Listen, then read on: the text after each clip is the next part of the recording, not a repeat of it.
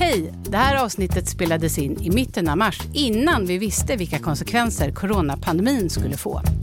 Med det sagt, att vara mellanchef är alltid aktuellt.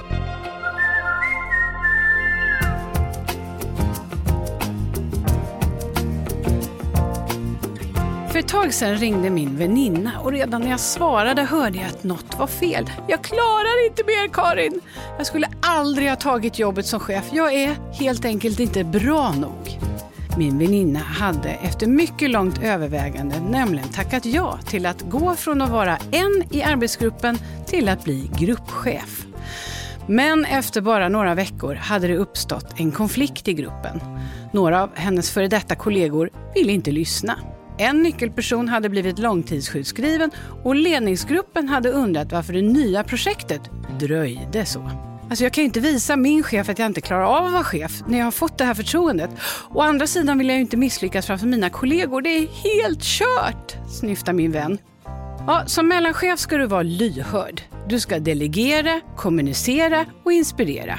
Du måste kunna engagera. Gärna vara positiv och humoristisk, en förebild, ett bollplank, en ledare. Tydlig men ändå visionär. Seriös men rolig. Inkännande men styrande. Ja, det är inte lätt att vara chef idag. Och det är heller inte lätt att få hjälp att vara det. Enligt flera svenska studier känner sig svenska chefer allt mer ensamma i sin roll och mår psykiskt allt sämre. Framförallt mellanchefer. Och för att citera Tove Jansson. Vem ska trösta chefen när pressen blir för stor? Och hjälpa till med styrkan när det inre tvivlet gror? Nu ska det handla om chefens bollblank i mellanchefer emellan. Ja, jag heter Karin Adelsköld.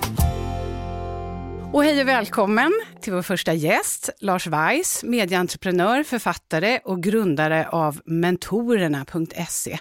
Du har ju själv varit chef flera gånger, bland annat nyhetsprogrammet Aktuellt och på TV4. Känner du igen det här med att man kan känna sig ensam som chef? Absolut, det är väl eh, egentligen chefens främsta känsla. Just den där känslan av ensamhet tror jag. Och det är väl ett av skälen till att mellanchefer just har så stora problem. Mm. Därför att man försöker låta bli att vara ensam. Utan att egentligen riktigt förstå att ensamheten är en del av det jobbet. Alltså. Och det är ju det där med att försöka på något sätt anpassa sig uppåt och samtidigt fortsätta vara polare med gänget runt omkring så man kanske då kommer ur den gruppen redan från början. Du kände den också? Du kände absolut. Den absolut. Uh -huh. Men jag tror att jag insåg att någonstans på vägen där så måste jag få dem också inse att i vissa lägen så är jag inte polare längre. Det går inte. Hade du någon mentor? Nej, det hade jag inte. Nej. Jag hade säkert kunnat undvika en del misstag om jag hade haft det, det tror jag. Mm. För du grundade och var med och grundade mentorerna.se. Vad är det för någonting och varför? Ja, det var egentligen en entreprenör som hade jobbat också i olika funktioner, i mellanchefsfunktioner i olika bolag och sådär.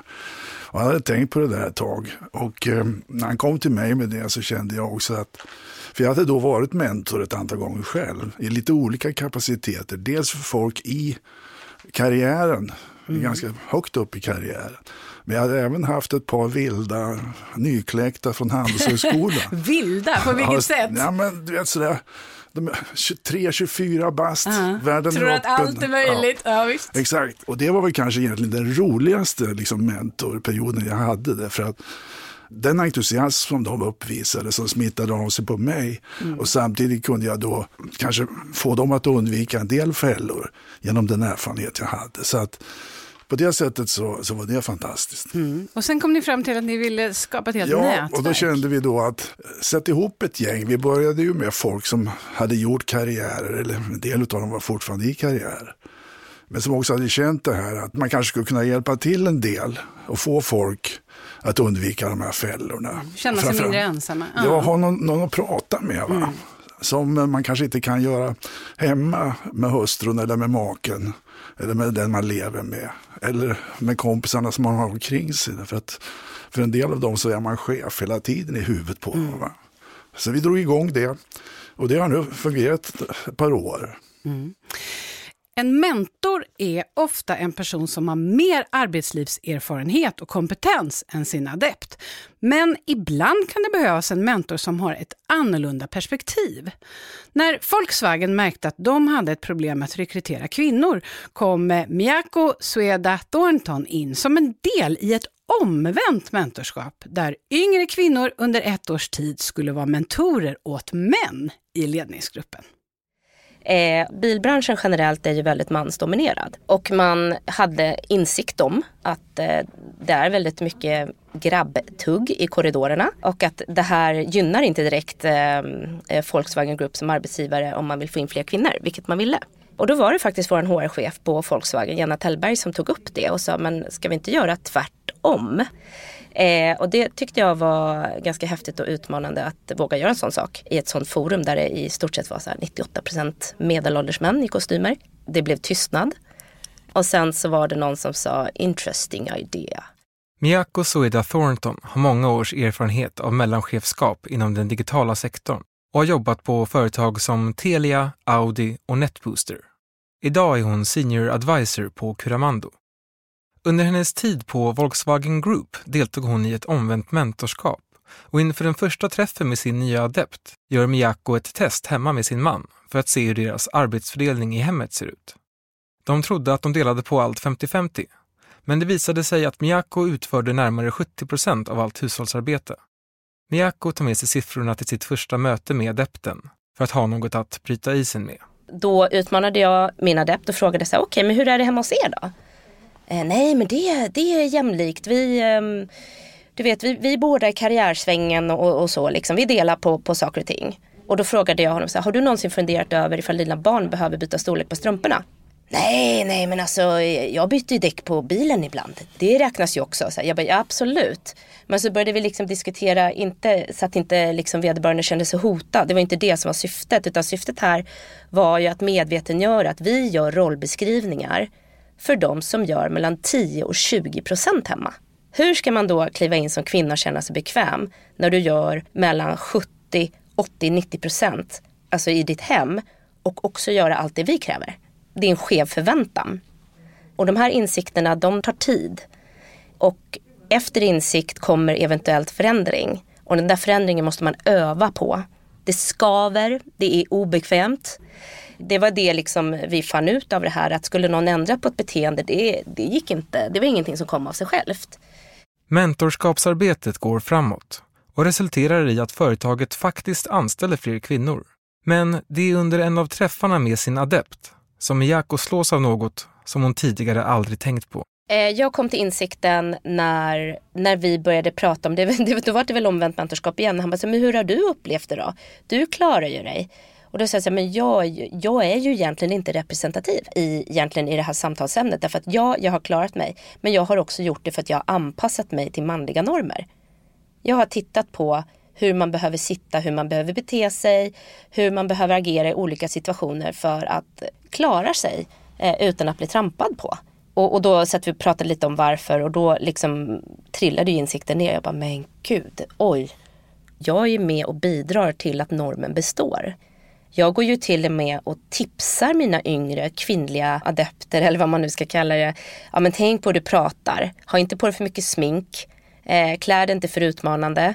Och vart nästan så här att jag när insikten damp ner ville bara sätta stort liksom, tejpbit för munnen på mig själv och vart förfärad. Och det tragiska, och nu erkänner jag ju det här, det, och det gör ont att erkänna det, jag har också suttit i en situation där jag har varit den enda kvinnan bland män som respekteras och behandlas som en jämlik och har njutit av det. Oh, titta, jag får vara den enda drottningen här, jag lyckades. Och har jag kämpat så här hårt för att komma hit, då ska banne mig ingen annan komma hit och dela den tronen på något sätt. Och jag erkänner att tanken har slagit mig. Eh, och någonstans där bestämde jag mig för aldrig igen, aldrig mer.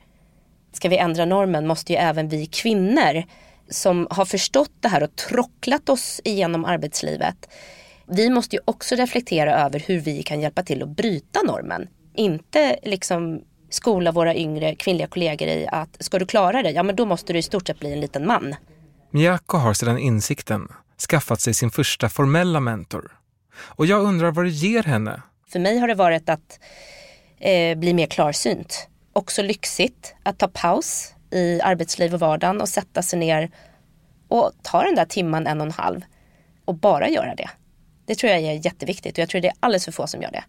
Jag har blivit klarsynt kring vad jag vill göra, hur jag vill vara, vad jag inte vill vara och så vidare. Och jag tror att det är nyttigt för alla. Både att ta sig fram i arbetslivet men även för sin egen person. Att känna trygghet i sig och att man vågar stå för den man är och inte försöka vara någon annan. Det var Sebastian Hedlund som hade träffat Miyako Sueda Thornton. Ja, Lars, vad, vad säger du om det här omvända mentorskapet? Ja, men det är väldigt intressant. Jag tycker att det ligger otroligt mycket i det där. Från min tid som på något sätt mera toppchef så lärde jag mig också en sak och det var att man skulle sätta ihop ledningsgrupper och sånt där. Så hade man ju förr liksom lite grann känslan att det där gjorde man på känn och väldigt mycket med folk som tyckte lite likadant och så jag lärde mig ganska fort att det blev stor skillnad beroende på hur konstellationen var män och kvinnor i en sån grupp. Otroligt värdefullt att få in fler tjejer. Därför att det blir lite grann annorlunda diskussioner. Va? Det finns andra erfarenhetsbottnar och sådär som är otroligt centrala. Den andra varianten av omvänt ledarskap det är ju att ha yngre människor som har helt annan erfarenhet av till exempel den digitala världen. En gamla stötar som jag. Ja, jag tänkte ju säga ja, det, för du är 40-talist med 80-talsvärderingar höll jag på att säga. Hur, hur ska det här gå? Ja. Och det har jag haft mycket glädje av på senare år när jag har jobbat med grejer. Alltså att, att ha mycket unga människor omkring mig som kan det här mycket bättre än jag. Mm. Och som kan se lösningar på kommunikativa bekymmer till exempel. Mm. Vi ska ta in nästa gäst också. Det är Robert Boronkaj som är ansvarig för Unionen Chef som är med på länk från en annan studio. Hallå Robert! Hallå, hallå ja. Du lyssnar också på reportaget här. Vad säger du om det här omvända ledarskapet? Ja, men det är ju det enda sättet som man kan lära sig. Det tror jag. Man måste vara väldigt lyhörd för eh, de som vet hur svårigheterna är. Mm.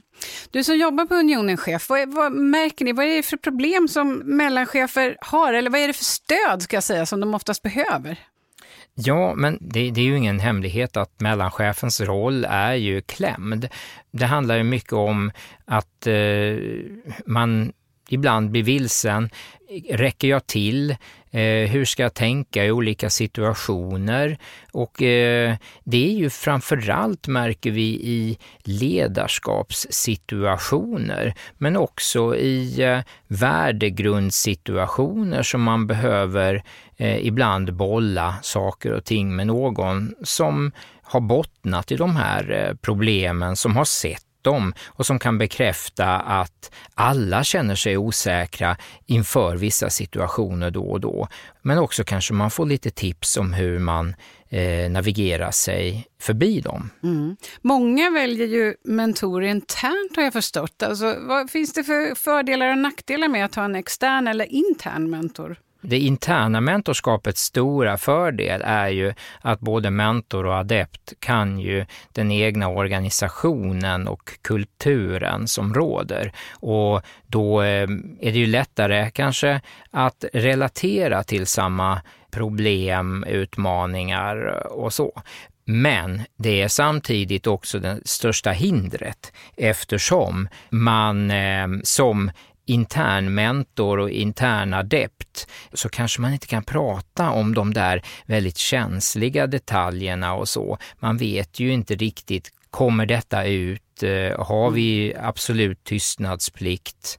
Jag ser kanske min mentor i korridoren jag kanske övertolkar vissa signaler. Så det handlar mycket om tillit och det blir kanske lättare att släppa garden med en extern mentor. Hur ska man tänka Lars när man väljer en mentor? Om man sitter nu som mellanchef, och lyssnar på det här och tänker åh det här, åh jag vill ha. Det är klart det låter jätteroligt med, tänk att ha en vild kille från Handels som mentor, men det är kanske inte riktigt det man behöver. Liksom, i. Nej, nej men alltså, jag tror det första man måste göra det är ju att träffa personen. Mm. Det går inte bara ringa tror jag, sådär, eller, eller skype eller något annat sådär finurligt som man kan göra nu för tiden. Varför inte det? nej, därför att jag tror man måste känna liksom, mm. lite grann personkemi för att det ska funka. Va? Jag tror att det är otroligt centralt och det är som, som, eh, som Robert säger, att tillit är otroligt centralt.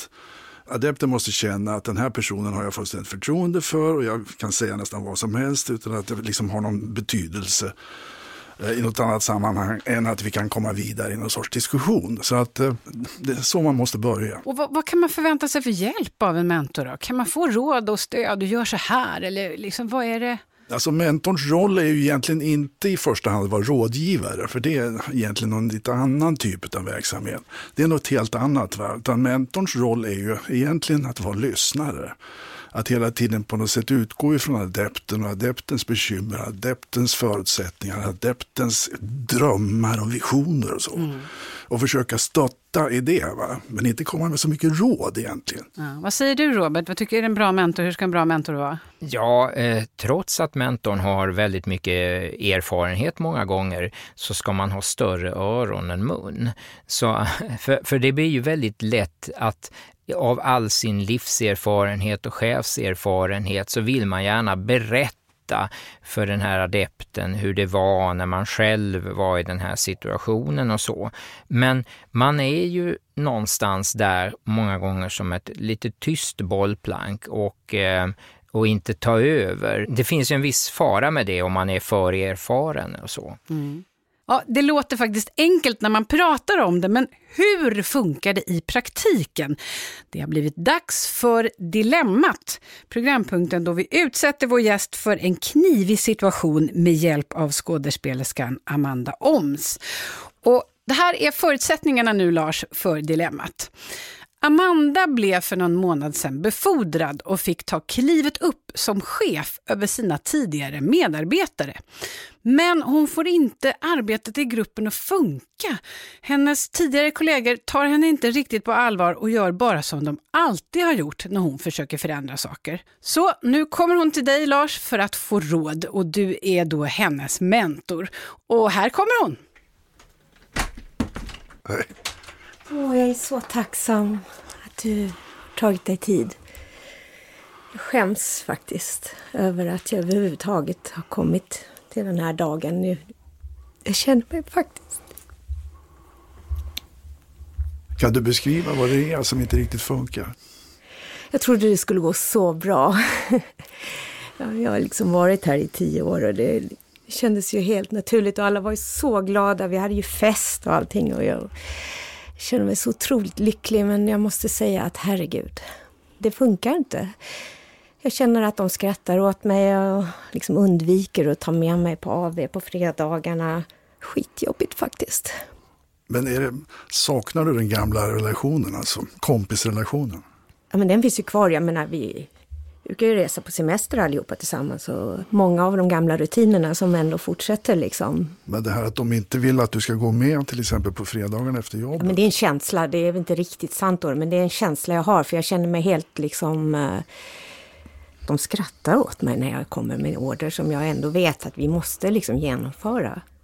Men är inte det lite egendomligt att de skrattar åt dig? Alltså, finns det någon sorts botten i det sedan tidigare? Jag tror att de liksom upplever att, att den här rollen att jag faktiskt ska liksom bestämma och få saker att liksom hända är kanske inte helt naturligt eftersom vi har gjort allting tillsammans i så många år. Du måste hjälpa mig faktiskt. Jag försöker liksom hitta lösningar och vara logisk. Men jag, kan du ge mig lite handfasta råd? Alltså det du är med om tror jag tusentals mellanchefer har varit med om. Och är med om egentligen varje dag. Men jag är, är ju bra på att göra beslut och liksom alla har ju alltid följt mig tidigare men nu när jag liksom säger saker som en order så blir det liksom att alla vänder sig emot mig på ett sätt och liksom tittar bort och jag känner mig lite som när jag gick i skolan faktiskt. Alltså, jag känner mig faktiskt men jag tror faktiskt att det är en anpassningsperiod. Därför att det är så att om du säger att du är duktig på att ta beslut det är egentligen i grunden ändå det som i slutändan alla egentligen vill att en chef Men du måste göra. hjälpa mig, du måste ge mig handgripliga råd. Jag förstår inte. Alltså råd är väldigt svårt för mig att ge på det sättet att du vet att det finns någon sorts Columbi ägg som man kan ställa upp och säga att så, exakt så här gör man så får man en lösning. Utan du måste liksom ha tålamod och ändå fortsätta. Men du får inte svika mig nu, du är faktiskt min mentor. Du måste säga mycket mer liksom rakt på sak. Men det är inte mitt jobb. Det är inte mitt jobb. Mm. Vi bryter där. Tack så hemskt mycket, Amanda Oms. Eh, som var så ledsen. Ja, oh, hur kändes det? Nej, för det är ju Man blir liksom tagen där. Men Ja. Jag vet att hon är skådis och står och gråter inför Ja. mig. Så, eh, Du är alldeles blank på ögonen. Jo, jo, jo, man blir ju det. Va? Ja. Och samtidigt, den situation hon beskriver är ju precis som jag sa, den är ju väldigt vanlig. Va? Mm. Eh, och kan naturligtvis i, i perioder tror jag för folk uppleva som totalt på något sätt förlamande. Man Mm. vet inte riktigt vad man ska göra. Men det är ju så att det här gänget som hon kommer ur, de kommer alltid att vara stökiga initialt. Men om man håller ut ett tag och sen markerar lite grann också att nu är det faktiskt så att även om vi är polare så är det fortfarande så att jag måste ta de här besluten. Och det får ni finna er i. Liksom. Robert, vad säger du?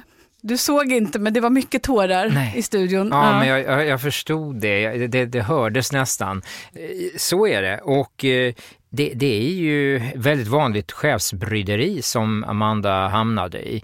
Och det är klart att mentorn ska ju snarare här hjälpa chefen att komma fram till hur hon ska hantera den här situationen än att ge, precis som Lars sa, ett färdigt förslag. Det här kommer att fungera. Kanske kan man tänka sig att, eh, att berätta om en liknande situation som man själv varit med i och, och det som hjälpte en själv då. Med den passusen att det, det funkade för mig. Jag, jag, jag tänkte på det här just att utmärkande för mentor-adept-relationen är ju att eh, det ska finnas ett djup i den och ett ömsesidigt förtroende för att prata om sådana här frågor, för att blotta sig, att jag faktiskt inte räcker till, jag vet inte om jag passar som chef och så vidare. Det är mycket tvivel och funderingar som kan dyka upp. Och eh, det är klart att eh, det förtroendefulla eh, samtalet kanske inte kommer på första eller andra mentorsträffen, utan man måste ju någonstans förtjäna den här djupa relationen genom att eh, engagera sig i sitt mentoradeptskap och träffas många gånger. Mm. Och jag tänker på det Lars, eh, det, här blev det ju väldigt känsliga ämnen, liksom. kanske inte alls det man tänker sig att en chefsmentor ska liksom prata om. Men när vi pratade tidigare så är det oftast känsliga, mjuka ämnen det handlar om, som man just inte kan ta med någon annan än sin mentor. Nej, men så är det ju ofta och den här typen av situationer, även om nu gör ju Amanda det på sitt oefterhärmliga sätt så extremt känsligt. Va? Det drabbas man kanske inte av lika ofta. Därför det finns ju också en återhållande faktor hos adepten som inte riktigt vill bjuda på hur mycket som helst. Men det är klart att Robert har ju rätt också i det här att en vanlig grej jag skulle ha gjort i ett mer på något sätt vanligt mentor-adept-samtal kanske. För då hade vi träffats lite tidigare. Det hade kom så plötsligt den här dramatiska på något sätt känslan hos, hos adepten. Och det är just kanske att berätta om någon annan på något sätt situation som jag själv har varit med om. Och på något sätt hur det liksom löstes upp och sådär. För att mer att skapa insikt men inte liksom ge, ge råd på det sättet. Nu ska du göra si eller så.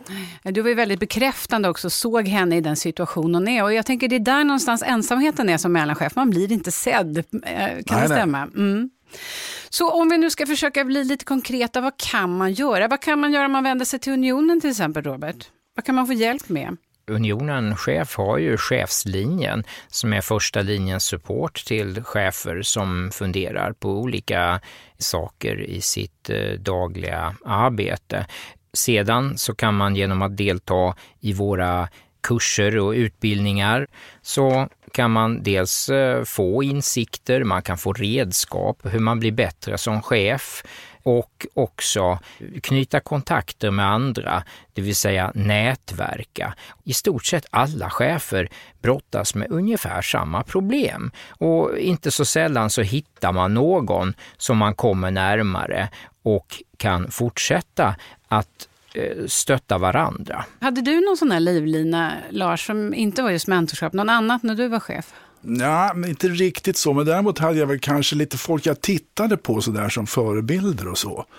Men jag tyckte jag lärde mig ändå ganska snabbt just det här med det som vi talade om tidigare, att ensamheten måste man lära sig hantera. Va? Och jag vet inte, jag är ga- gammalmodig, men när man pratar om ledarskap väldigt mycket idag så pratar man väldigt mycket om på något sätt konsensus och den typen av grejer. Alltså det är inte jag kan jag säga. Eh, Jag är ingen konsensusperson Nej, du vill Alltså, ha... Nej, jag, ja. jag, jag tror ju mera på att Och det visar sig i studier som har gjorts ganska nyligen att folk vill egentligen ha chefer som ger frihet under ansvar, men som också kan fatta beslut. Och därmed också är beredda att ta skit mm. när besluten går fel. Mm. Idag tycker jag ibland att det blir för mycket så här, diskussioner som handlar om konsensusfrågor och alla ska vara överens och sådär. Mm.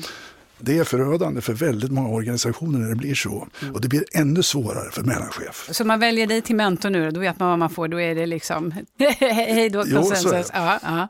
Tack snälla Lars Weiss för att du kom. Eh, Lars är en av grundarna av mentorerna.se och Robert Boronkej, ansvarig för Unionen chef.